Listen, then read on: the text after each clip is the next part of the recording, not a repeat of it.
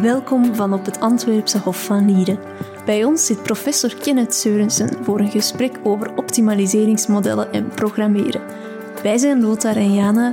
U luistert naar Profcast. Goedemorgen, professor Kenneth Seurensen. Wij mogen Kenneth zeggen? Dat mag. Ah, super. Jij bent gespecialiseerd in het ontwikkelen van optimalisatiemethoden voor bedrijfsuitdagingen. Wat houdt dat exact in? Ah, of het klopt zelfs niet volledig. Het is breder dan dat. Het is nog Optimalisatiemethode toekoor. Wat houdt dat in? Ja, optimalisatieproblemen zijn eigenlijk overal. Hè. En we lossen die zelf ook op in ons dagelijks leven. Stel ik rij van A naar B met een auto, dan los ik eigenlijk een optimalisatieprobleem op, want ik wil daar zo snel mogelijk geraken. En dus, wat is eigenlijk een optimalisatieprobleem? Ik zal het even uitleggen. Je hebt enerzijds een beslissing. Ik ga van A naar B, dus de beslissing is de route die ik volg van mijn startpunt naar mijn eindpunt. Dat is niet één beslissing, dat zijn een hele reeks kleine beslissingen, omdat ik aan elk kruispunt eigenlijk ja, vraag, moet ik hier links, rechts of rechtdoor, of nog iets anders. Uh, dus je hebt een beslissing. En elke beslissing die ik maak, komt overeen met een, een, zekere waarde die ik wil minimaliseren of maximaliseren. Bijvoorbeeld, in dit geval is dat de totale tijd die ik nodig heb om van A naar B te gaan. Want ik wil er zo snel mogelijk naartoe. Dus je hebt een beslissing, je hebt een waarde die je wilt minimaliseren. Dat noemen we dan de doelfunctie of de objectieffunctie. En dan zijn er beperkingen, want ik kan niet zomaar eender wat beslissen. Ik kan bijvoorbeeld niet beslissen om te teleporteren naar mijn eindpunt. Dat is een soort fysiek onmogelijk. Um, al die kleine beslissingen die ik neem, moeten aaneenkoppelen tot één route van A naar B. Dus dat zijn ook beperkingen. En dan zijn er dingen als ik mag niet in de verkeerde richting rijden in een richtingstraat. Uh, ik mag met mijn auto niet door een, uh, voetgangerszone rijden enzovoort. Dus er zijn allerlei beperkingen op die beslissing. En die drie dingen samen maken een optimalisatieprobleem. En de vraag is dan, wat is nu de beste beslissing of de beste reeks beslissingen, zodanig dat die doelfunctie zo klein mogelijk is of zo groot mogelijk. En um, dat alle beperkingen gerespecteerd zijn.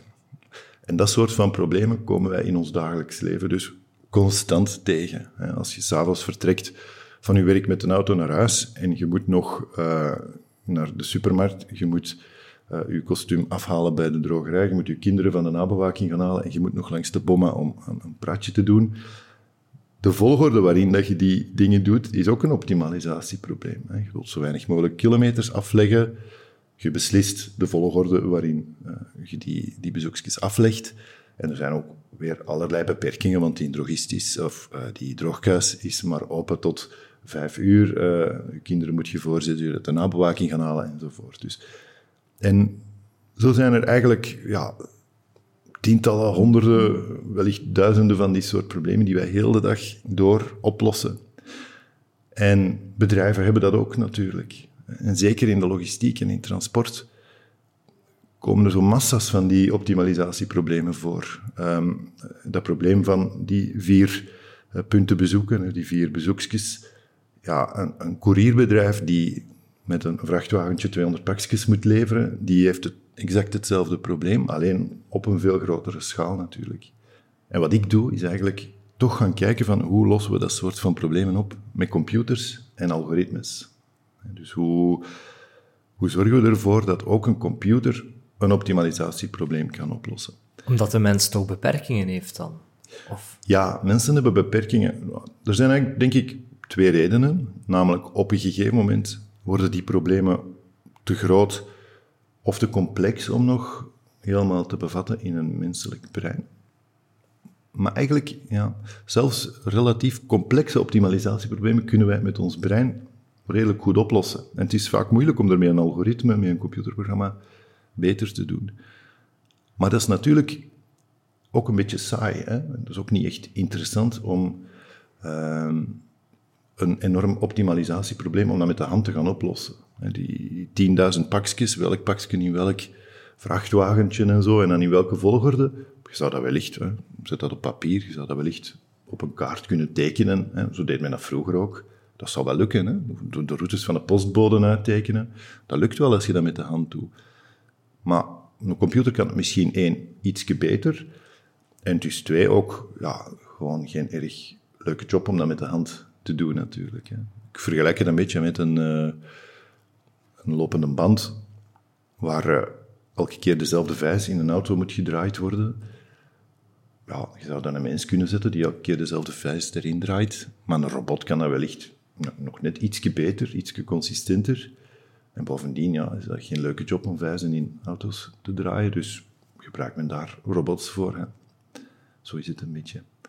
En uh, ja, dus wat ik doe, is strategieën bedenken om optimalisatieproblemen zoals ze voorkomen in de logistiek, in het transport, maar ook daarbuiten, om die door een computer te laten oplossen.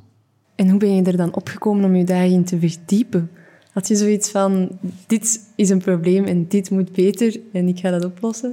Dat is eigenlijk heel toevallig verlopen. Hè. Ik ben... Uh, toen ik afstudeerde, wist ik eigenlijk nog niet echt uh, wat ik wou doen, maar het was duidelijk, een academische carrière zeker niet.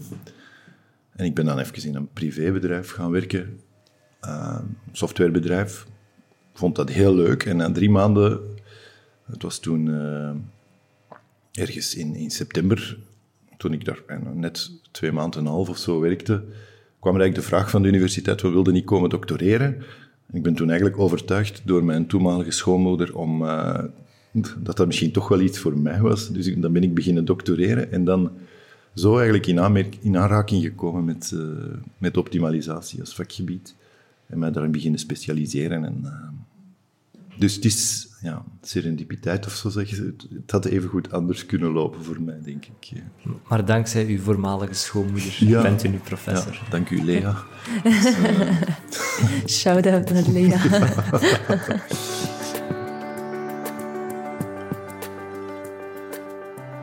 Je bent veel bezig specifiek met transportoptimalisaties. Is, daar, is daar een specifieke reden voor? Is dat omdat die vraagstukken bovengemiddeld interessant zijn? Ja, logistiek en transport is een van de sectoren die de, de interesse van het vakgebied heel vroeg uh, getrokken hebben. En dus waar heel veel problemen opgelost worden door, uh, door mensen zoals ik. Het vakgebied komt eigenlijk ook. Dus de, de nood voor het vakgebied is eigenlijk ook ontstaan uit de logistiek en meer specifiek uit de militaire logistiek. Um, het, is, een redelijk recent vakgebied dat eigenlijk pas na de Tweede Wereldoorlog uh, is ontstaan. Dat valt dan zo'n beetje samen in de tijd met de, de uitvinding van de eerste computers. Maar na de Tweede Wereldoorlog zag men van, ja, een oorlog is eigenlijk gewoon een enorme logistieke operatie. In tegenstelling tot wat je misschien denkt, maar oorlogen worden niet gewonnen door de, het leger met de moedigste soldaten of diegenen die het hardst zingen over het vaderland. Een oorlog wordt gewonnen door het leger dat zijn logistiek op orde heeft. Je moet dat maar vragen aan, aan Hitler of Napoleon. Op een moment, die stonden beide op een gegeven moment met hun leger ergens in Rusland, zonder eten, zonder wapens, zonder uh, kledij enzovoort. En dan komt de winter in Rusland en al die soldaten ja, zijn, zijn verloren. Hè.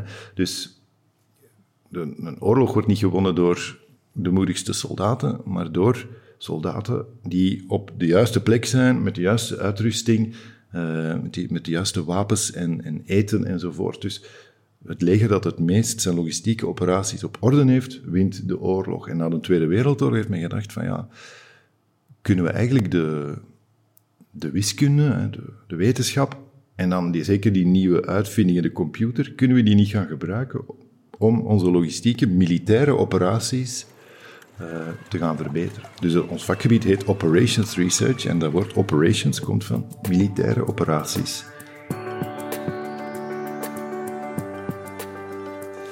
Optimalisatie en duurzaamheid die gaan eigenlijk hand in hand. Duurzaamheid is iets wat iedereen tegenwoordig nastreeft, ook binnen optimalisatie. Dus, um, maar optimalisatie zorgt bijna automatisch voor meer duurzaamheid in de logistiek. Als je minder kilometers gaat rijden, ja, dan stoot je minder CO2 uit. Hoe efficiënter dat je operaties gaan verlopen, hoe minder verlies dat er is, dus hoe duurzamer de operaties zijn.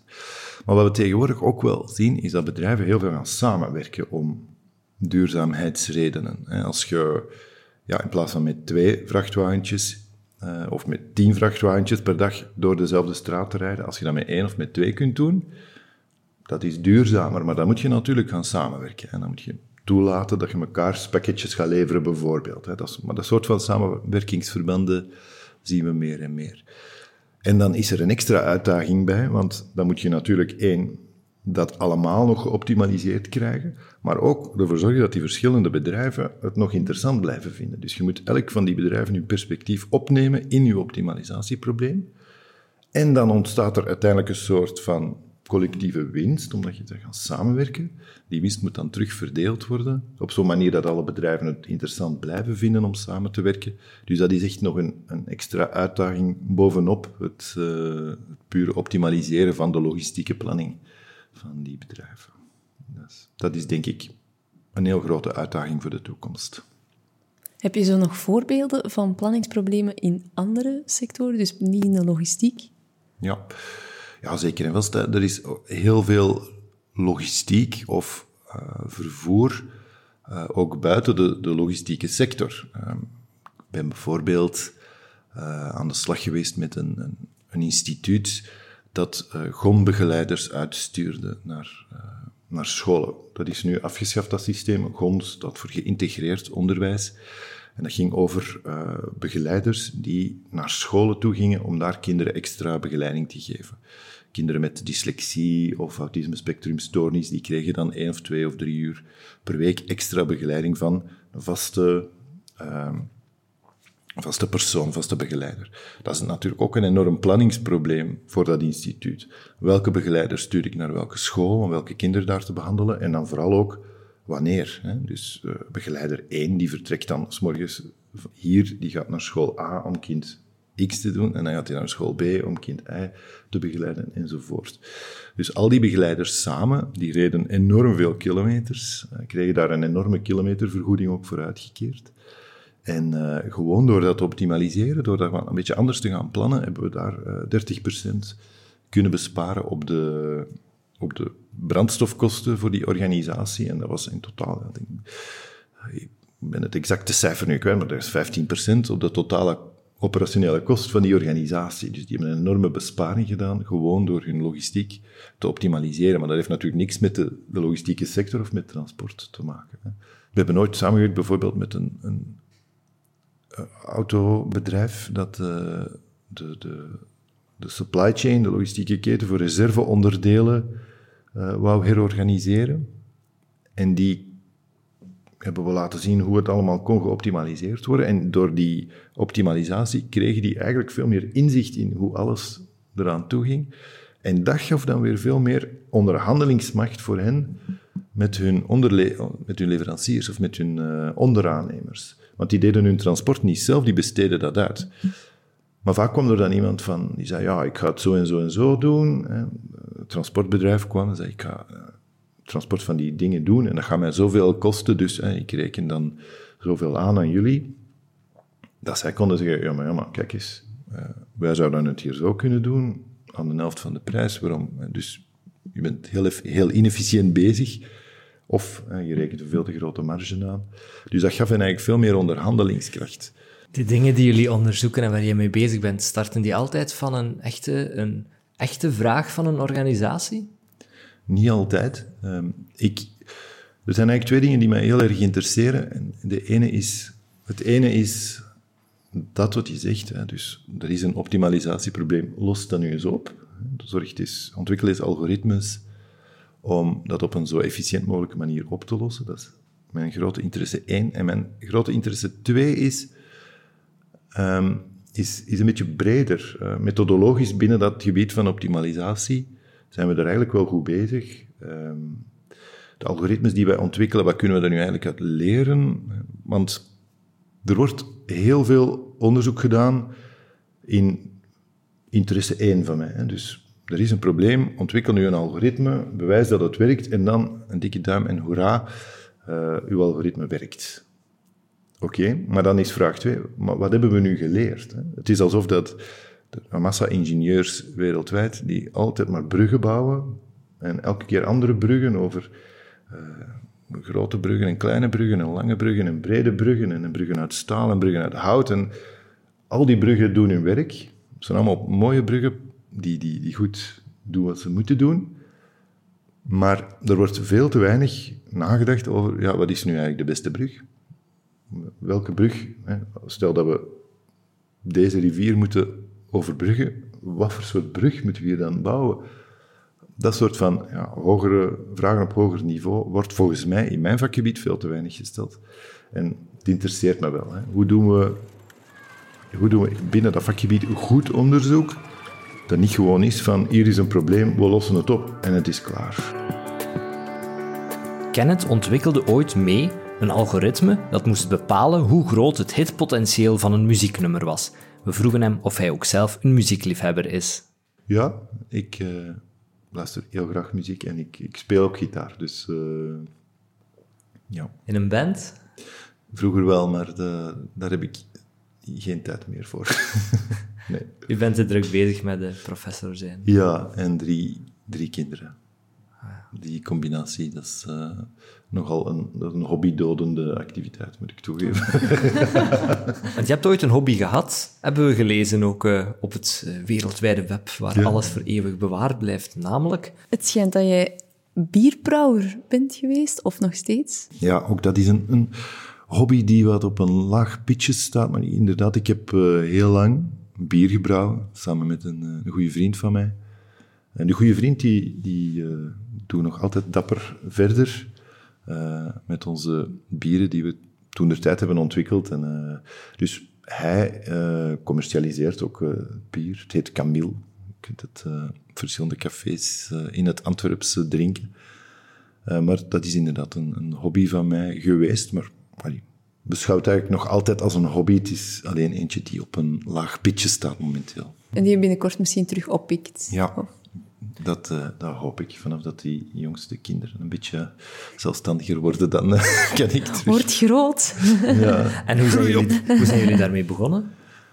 Um, wij zaten ooit eens aan tafel en ik zei, ik zou eigenlijk graag iets bier brouwen. En hij zei, weet je wat ik nu al heel lang wil doen? Bier brouwen.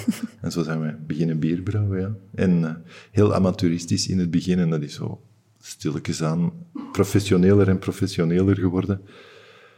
Um, heel slecht bier in het begin, veel bedorven bier. En uh, ja, langzaamaan is dat beter en beter geworden. En, en hoe begint dat dan? Je koopt een soort van ketel en... Ja, nee, je, je neemt een kookpot en je koopt een uh, bierpakket. En dan moet je dat koken en dan uh, laten vergisten en op flesjes trekken en die opnieuw laten lageren. En zo. Het is een heel proces. En dan probeert je uh, waarschijnlijk ook te optimaliseren. Ja, dit is eigenlijk een optimalisatie ook. Hè. Ja. Alleen een moeilijke, want ja, gebrouwd één keer per maand of twee keer per maand, maar het eindresultaat is pas beschikbaar uh, binnen zes weken minimum eigenlijk. Hè. Dus zes weken of langer. Het is een beetje zoals uh, het perfecte recept voor stoofvlees bedenken, maar je kunt je stoofvlees pas proeven over zes weken. Dus dat, dat is moeilijk. Hè. Je moet zien dat je een goed logboek hebt en goed onthouden wat je zes weken geleden gedaan hebt. En dan proberen de verbanden te zien tussen de, de parameters die je zes weken geleden hebt ingesteld en het bier dat er dan uitkomt klinkt nu heel chic, maar eigenlijk is het gewoon ook heel plezant om... Uh, het is een beetje, uh, ja, een beetje zoals koken, maar uh, het duurt wel een hele dag. En intussen hebben jullie een eigen brouwerij dan? Nee, um, mijn, allee, ik zelf... Het bier brouwen zelf vond ik heel plezant. Hè. Dat is een beetje zoals koken. Maar bier vervolgens ook commercialiseren, dat is een heel logistiek proces. en ja, ik vond dat ik al genoeg met logistiek bezig was, dus het interesseerde mij niet op zich om, die, om mijn bakken bier naar cafés te gaan rondleuren, om dan te hopen dat ze dat uh, willen verkopen. Dat op zich interesseerde mij niet, maar mijn vriend wel, dus die heeft dat dan uh, gedaan. Maar bier zelf brouwen in uw eigen brouwerij, dat is nog eens een andere grote orde van complexiteit, want dan komt de voedselinspectie eens een keer kijken in de kelder waar je dat bier brouwt. En in de kelder waar wij ons bier toen brouwden, daar eh, ja, dus had de voedingsinspectie niet willen binnenstappen, denk ik.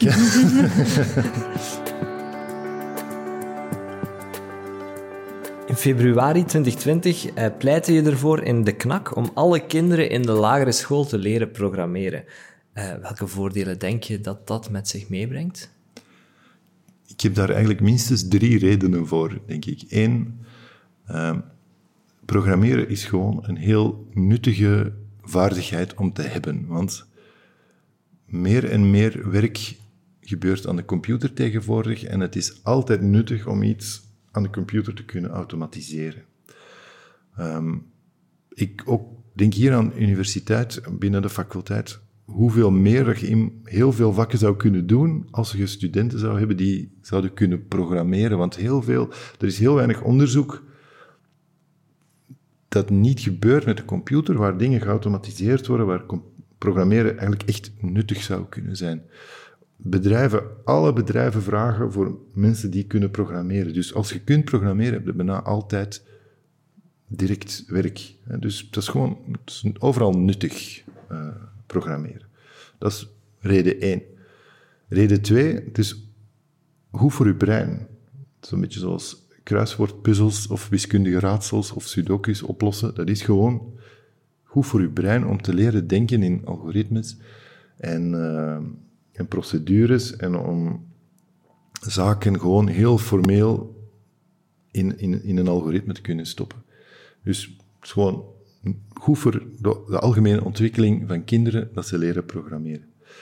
En dan, maar de belangrijkste reden, de derde reden, is dat, en of dat we dat nu leuk vinden of niet, ons leven meer en meer bepaald wordt door algoritmes. Als ik in mijn auto stap en ik zet mijn GPS aan, dan is het een algoritme dat zegt hoe dat ik ga rijden. Dus minstens word ik daarin in een bepaalde richting gestuurd door dat algoritme, in dat geval letterlijk. Um, als ik mijn Facebook-profiel of mijn Facebook-pagina open doe, wat ik te zien krijg, dat is bepaald door een algoritme. Als ik naar Netflix ga, de series die mij aangeboden worden, dat is een algoritme.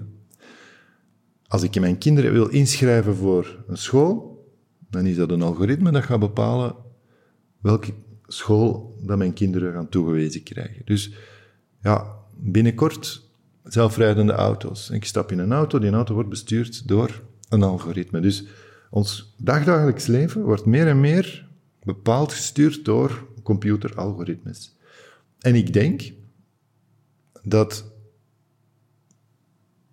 mensen die niks kennen van algoritmes, die niet weten hoe een algoritme werkt, zelfs niet, dat die ja, meer en meer in een wereld gaan uh, terechtkomen waar ze niks van begrijpen. Het is zo'n beetje zoals uh, technologie.